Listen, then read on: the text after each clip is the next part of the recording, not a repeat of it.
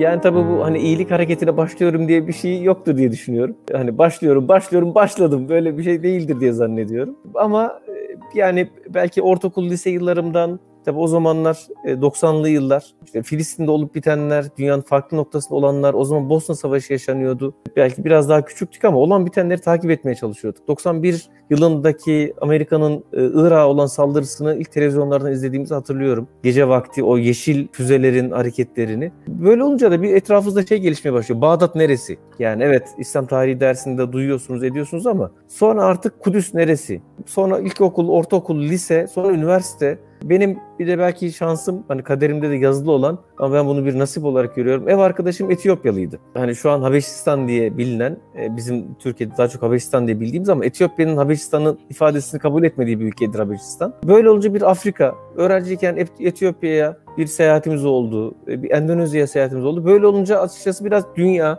işte Afrika, Asya ve en nihayetinde ben okul biterken ben insani yardımda çalışmak istiyorum. Tıp fakültesini bitirirken ben insani yardımda çalışmak istiyorum diye verilen bir karar vardı benim için. E, ama hani böyle bir iyilik hareketine başlama diye bir şey yok. Siz apartmanınızdaki yaşlı teyzenin halini hatırını sorarak zaten iyiliğin içinde olmuş oluyorsunuz. Yani sadece böyle kurumsal bir yapının başında olacağım, kravat takacağım. Hani ben bir dernek başkanı olacağım değil mesela aslında. Yolda gördüğünüz kedinin susadığını anladıysanız ona su vermekten Afrika'daki çocuk için proje düşünmeye, elinizden hangi yetenek geliyorsa ben çok iyi karikatür çizerim. Tamam sen iyi bir karikatürist ol ve iyiliğe hizmet et. Ya da ben iyi organizatörüm abi. Tamam sen iyi bir organizasyon yap, der, yap dernek başkanı ol. Ya da e, ben iyi örgü örerim. Tamam sen de örgü ör. Suriyeli çocuğa atkı gönder. Bu böyle e, bir düğmeye bastığında başladım diye bir şey değil. Senin harekete geçmen, bizim harekete geçmemiz, ötekini harekete geçirmemiz diye tarif edilecek bir şey. E, yoksa aslında kötülük hareketi de yok. Hani bu anlamda düğme basılıp başlayacak bir iyilik hareketi de yok. İnsanların haklarını bilmesi, iyilik yaparak bundan mutlu olması ve bunun yayılması ya da tam tersinin yayılması diye düşünüyorum. Hani bizler bazen topluma biraz daha önde olduğumuz için öne çıkıyoruz ama benim mesela Suriye krizinde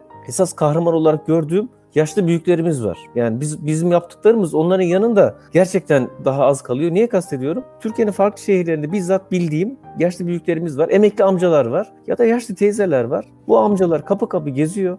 Kendisi de diyelim o mahallede ya da o ilçede bilinen insanlar o ildeki ya da o ilçedeki 100 tane Suriyeli, 50 tane Türk, 10 tane Afgan'ın her ay gıda kolisini topluyor ve veriyor. Esnaflar o amcayı biliyor, o amcaya güveniyor. O amca da her ay işte 100, 200 ne kadarsa gıda kolisini bunu bir iş ediniyor ve gizli kahramanlar olarak toplayıp veriyor. Şimdi bizimkiler tabii bizim işte kurumsal anlamda yaptıklarımız evet iyilik faaliyetlerine kurumsal yapının e, önemine hep inanırım. Yaygınlaşması gerektiğine inanırım ama şart da olan bir şey değildir. İşte o amcalar, o teyzeler. Şunu biliyorum mesela 5-6 tane işte anneanne, babaanne olmuş ablamız. Hani teyze demeyin belki kızarlar. Ablamız her hafta belli bir gün toplanıyor.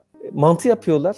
O mantıları satarak çocuk okutuyorlar, burs veriyorlar. Yani illa dernek olmanız gerekmiyor. İyilik hareketi diyorsanız işte bu teyzeleri, bu ablalarımızın iyilik hareketi belki bizden daha köklü. Aslında şöyle diyebiliriz Mehmet Hocam müsaade ederseniz. Aslında iyilik hareketine Mehmet Güllüoğlu çocuk yaşta başladı. Çünkü annesi ve babası ona iyilik etmeyi öğretti. Çünkü bu mesajı gönderen, bu soruyu gönderen kardeşimiz 13 yaşındaymış. Şimdi yazdı Aa, kim tamam, olduğunu. O zaman, o zaman şöyle iyilik hareketi toparlayayım o zaman. Madem 13 yaşında bir arkadaşım. 13 yaşında evet. Peki şimdi 13 yaş çok hakikaten kritik bir yaştır. Artık kararlarınızı vermeye başlarsınız. Ne tam çocuksunuzdur ne erişkinsinizdir. Böyle gençlik, çocukluk, erişkinlik arası bir şeysinizdir. Arkadaş sen dünyaya bir bakmayı öğren. Yani etrafındakilerden sorumlusun. Etrafında iyilik yaptığınca aslında sen de kazanırsın. Etrafındaki başta anne baba, kardeşler, aile bireyleri, arkasından fiziken yakınlar, işte dayı, hala, teyze, babaanne, anneanne, dedeler, apartmanda yaşadıkların, çevrende yaşadıkların, sonra halka halka dünyaya karşı hoş geldin artık sen de mesulsün.